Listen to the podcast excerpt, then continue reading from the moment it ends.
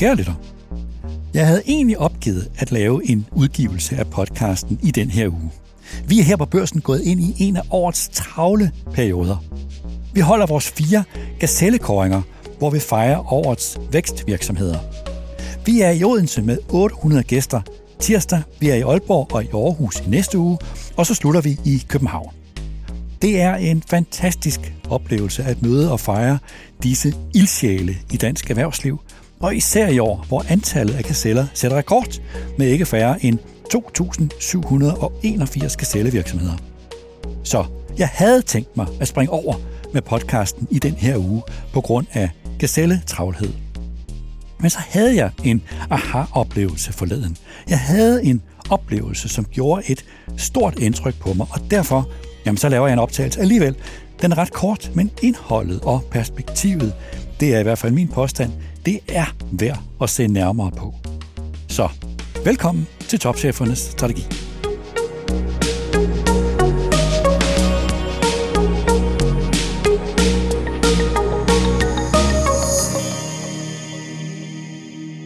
Kender du, kære lytter, den fornemmelse? Du mærker, at du oplever noget vigtigt, men du forstår ikke helt, hvad det er.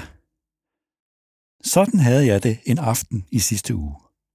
Jeg sad derhjemme og faldt over et opslag på Twitter, det der nu hedder X, og opslaget førte mig hen til den præsentation, som Sam Altman holdt i San Francisco dagen før. Og jeg ved godt, vi er kun i midten af november, men der skal meget til, hvis ikke det her skal vise sig at blive min største aha-oplevelse i 2023. Sam Altman er leder af OpenAI, der står bag ChatGPT. Jeg lavede et portræt af ham her i podcasten tilbage i foråret. Hvis du vil søge på det, så ligger det der stadigvæk, hvis du søger på fredag den 14. april. Hvis du ikke kender ham, så er her nogle stikord. Han er født i 1985. Han studerede computer science på Stanford University, men droppede ud i 2005 for at være medstifter af en tech-startup, som endte med at blive solgt i 2012. Han har haft ledende roller herunder formand i tech-netværket Y Combinator fra 2011 til 2020, og så var han medstifter af OpenAI i 2015, sammen med blandt andre Elon Musk, Peter Thiel og Reid Hoffman. Og han skrev et essay i 2021. Der skrev han, at det teknologiske fremskridt, som vi kan se frem til de næste 100 år, vil være langt større end alle dem, som vi har gjort, siden vi kontrollerede ilden og opfandt hjulet. Så man kan sige, at Sam Altman har i mange år været et kendt ansigt i tech-miljøet. Men det var først for et års tid siden, da ChatGPT brød igennem, at han blev kendt for alvor. Nå, men Sam Altman holdt en såkaldt Developers Day i San Francisco. Det var første gang, at han og OpenAI holdt sådan en dag, som i bund og grund går ud på, at en virksomhed præsenterer nye produkter og nye teknologiske løsninger. Sådan nogle præsentationer kan godt tage lang tid, men den her præsentation, den tog kun 45 minutter. Du kan nemt finde den på YouTube, hvis du søger på Sam Altman, OpenAI og Developers Day, og du kan også bruge linket, som er i show notes, som de hedder, til den her podcast. Han fortalte, at de er klar med en ny, såkaldt en turbo-udgave af ChatGPT 4, som er opdateret med data frem til april 2023, og den vil derfor kunne give svar på begivenheder frem til skæringsdatoen.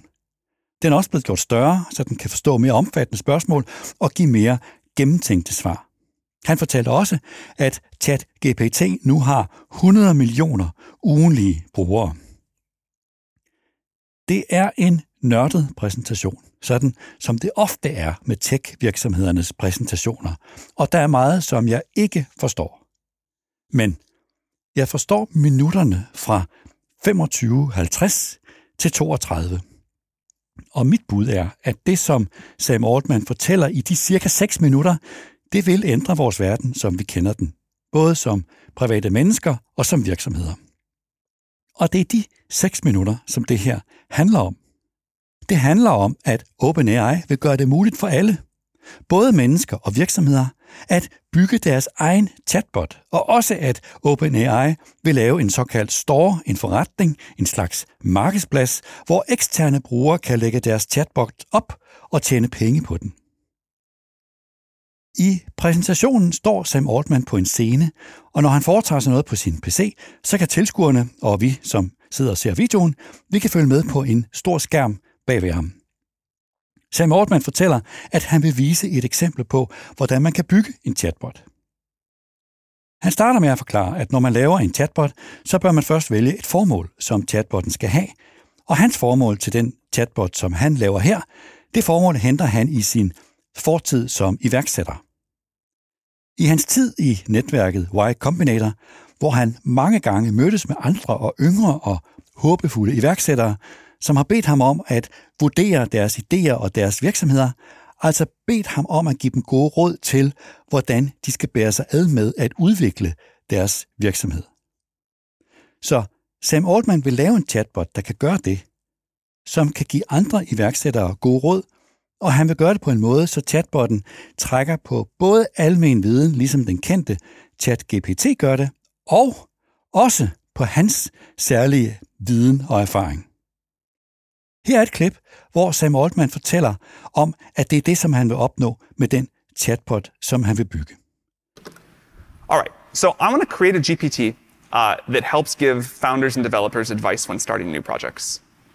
Um, I'm going to go to create a GPT here, and this drops me into the GPT builder. Uh, I worked with founders for years at YC, and still, whenever I meet developers, the questions I get are always about how do I, you know, think about a business idea? Can you give me some advice? Uh, I'm going to see if I can build a GPT to help with that. Det gør han så. Bygger en chatbot, som kan hjælpe ham med det. Chatbotten spørger ham, hvad han gerne vil lave, og han svarer med at skrive, jeg vil gerne hjælpe startup founders med at tænke igennem deres forretningsidéer og med at give dem gode råd. Han udvider opgaven til chatbotten til, at den ikke bare skal give gode råd, men at den også skal udfordre spørgeren på, hvorfor han eller hun ikke vokser hurtigere.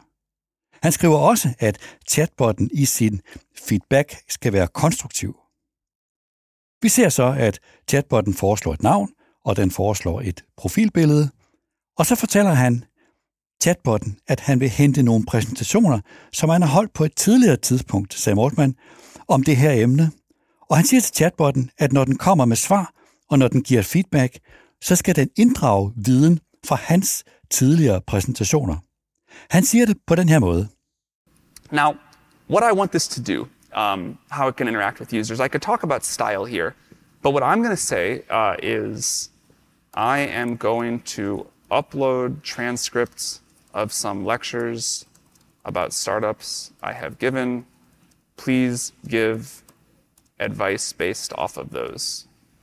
Det næste, Sam Altman gør, er, at han viser et eksempel på, hvad chatbotten kan, allerede på det her tidspunkt. At man nu kan stille spørgsmål til chatbotten, som så svarer, og svarer på en måde, hvor den trækker på hans specifikke viden og hans specifikke erfaring. Det lyder på den her måde. So I will say, um, what's a common question? What are three things to look? Oops. What are three things to look for when hiring employees at an early stage startup. Now it's going to look at that document I uploaded. Um, it'll also have, of course, all of the background knowledge of GPT-4. That's pretty good. Those are three things that I definitely have said many times. Så han stiller et spørgsmål, som handler om, hvilke tre ting man bør være særligt opmærksom på, når man skal ansætte medarbejdere i en startup virksomhed, som er i en tidlig fase. Og chatbotten svarer. Den svarer, det kan man se på skærmen bag ved ham, den svarer, at man skal være opmærksom på ansøgerens faglige kompetencer, på evnen til at eksekvere, og på om en ansøger vil passe ind i virksomhedens kultur. Alle tre svar er synspunkter, som Sam Altman har, og her bliver de tre svar udtrykt på en måde, som matcher hans erfaringer. På en måde kan man sige, så er chatbotten en slags kopi af Sam Altman, sådan at når man kommunikerer med chatbotten om det her emne, så får man nogenlunde de samme svar, som man ville få, hvis man kommunikerer med den rigtige Sam Altman. Og det er sådan set det, siger han. Han fortæller, at chatbotten, hvis man havde haft mere tid der på scenen forleden, ville stille uddybende spørgsmål og komme med flere gode råd til en virksomhed, der gerne vil vokse hurtigere. Han fortæller også, at han kan arbejde videre med chatbotten senere, og han bestemmer selv, om den skal være privat eller offentlig. Så sådan laver man en GPT, siger han, og fortæller, at man kan vælge. Du kan lave en privat GPT, du kan gøre den offentlig, og du kan lave en intern GPT i din virksomhed. Og så siger Sam Altman noget, som jeg tror vil få stor betydning.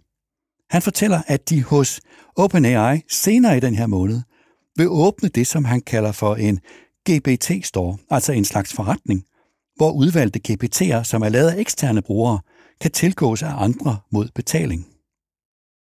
Han siger det nærmest henkastet sådan lidt en passant, og det lyder sådan her. And later this month, we're going to launch the GPT store. You can list a GPT. Thank you. I appreciate that.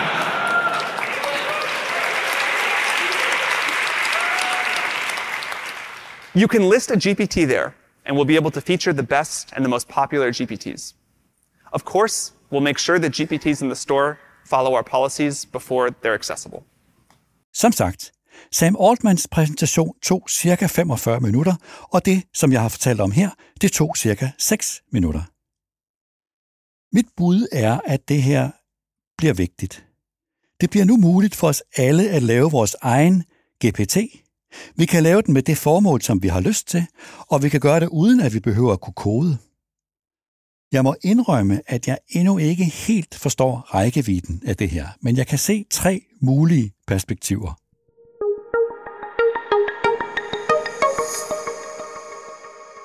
Det første perspektiv er kommercielt. Mennesker og virksomheder vil kunne udvikle deres egne chatbots, og ifølge OpenAI vil deres data være beskyttet. Det vil åbne nye muligheder for eksisterende virksomheder inden for mange discipliner og med en funktionalitet, som taler alle sprog og som aldrig sover. De vil kunne plukke ind i andre websites og services og bede dem om at udføre opgaver, en slags agent. Det sidste, vi hørte Sam Altman fortælle, det med, at OpenAI vil lave en forretning, hvor kunder kan få adgang til de bedste GPT'er mod betaling. Til synlædende med inspiration fra Apples App Store og måske også i konkurrence med Apple. Hvis det lykkes, kan OpenAI, OpenAI skabe en ny forretningsmodel og måske også blive en platform for den her særlige kunstige intelligens. Det kan, som Financial Times skriver, accelerere transformationen af OpenAI fra et forskningslaboratorium til en platformsvirksomhed, og med et potentiale til at disrupte disrupterne. Og det vil helt sikkert føre et kapløb med sig mellem OpenAI og deres partner Microsoft, og især med Google og Meta eller Facebook. Nye virksomheder og endnu ukendte forretningsmodeller vil opstå. Det er en ny kommersiel verden, der åbner sig. Det andet perspektiv er politisk. Den politiske diskussion om kunstig intelligens, den har altså en slagside. Det er, at frygten dominerer nysgerrigheden. Naturligvis indeholder kunstig intelligens en risiko, og naturligvis skal vi være uhyre opmærksom på, hvilke kræfter vi har med at gøre. Men kunstig intelligens tilbyder også unikke muligheder for at løse nogle af verdens største udfordringer. Klima, demografi, sundhed osv. Det nye initiativ viser fra OpenAI viser, at udviklingen går nærmest uforståeligt hurtigt. Mens politikerne taler om truslerne, så udvikler industrien nye løsninger og er langt foran politikerne. Det er ikke holdbart. Det er nødvendigt at få en kvalificeret offentlig samtale om kunstig intelligens. En dybere folkelig forståelse er forudsætningen for, at vi forholder os konstruktivt til kunstig intelligens. Der var et stort anlagt AI Safety Summit-møde i London i forrige uge, og det var opmuntrende, at det lykkedes at samle repræsentanter fra det meste af verden, også fra Kina, til en begyndende global samtale om kunstig intelligens. Det tredje perspektiv er, at det kommercielle perspektiv og det politiske perspektiv så at sige møder hinanden. Eller hvis man skal sige det mere primitivt, at magten flytter sig. AI Safety Summit mødet i London havde deltagelse af blandt andre Sam Altman og Elon Musk, og mødets gæsteliste viste, at politikerne ikke sætter den her dagsorden alene. Teknologi er ikke længere bare et værktøj, men er blevet en integreret del af vores liv og af vores tankegang. Vi lever vores liv både som mennesker og som virksomheder igennem de digitale platforme. Det vilkår giver de store tech-virksomheder og deres ledere en indflydelse, som jo faktisk lader sig måle med politikernes indflydelse. Det er sådan lidt en ny verdensorden, og det er også endnu et vilkår, som vi skal forsøge at forstå. Og så lige et elskværdigt PS. Den danske regering og digitaliseringsminister Marie Bjerre var slet ikke inviteret til at være med i AI Safety Summit i London. Et, må man nok desværre sige, et ubarmhjertigt udtryk for, at der er lang vej, hvis Danmark skal have en rolle at spille i den her nye verdensorden.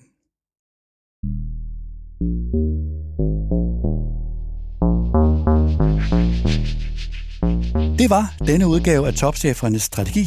Et forsøg på at forstå det, der sker inden for den her særlige disciplin inden for kunstig intelligens. Eller rettere sagt, så er der rigtig meget, som jeg ikke forstår. Og jeg står derfor først ved min i hvert fald absolute begyndelse på at forsøge at forstå den verden, der er ved at åbne sig. Men selvom jeg ikke forstår så meget af det teknologiske, så har jeg min intuition, min mavefornemmelse, min erfaring, og med afsæt i dem, så vil jeg hævde, at det her det kommer til at få stor betydning for os alle sammen. Både som mennesker og som virksomheder. Hvis du vil høre mere omkring de her ting, så vil jeg anbefale to podcasts. Den ene hedder Hard Fork, og den anden hedder The Verge Cast. Det er to amerikanske podcast, hvor de diskuterer præcis det, som jeg har været igennem her. Tak til Peter Emil Witt, der redigerede optagelsen, og tak til dig, der lyttede med.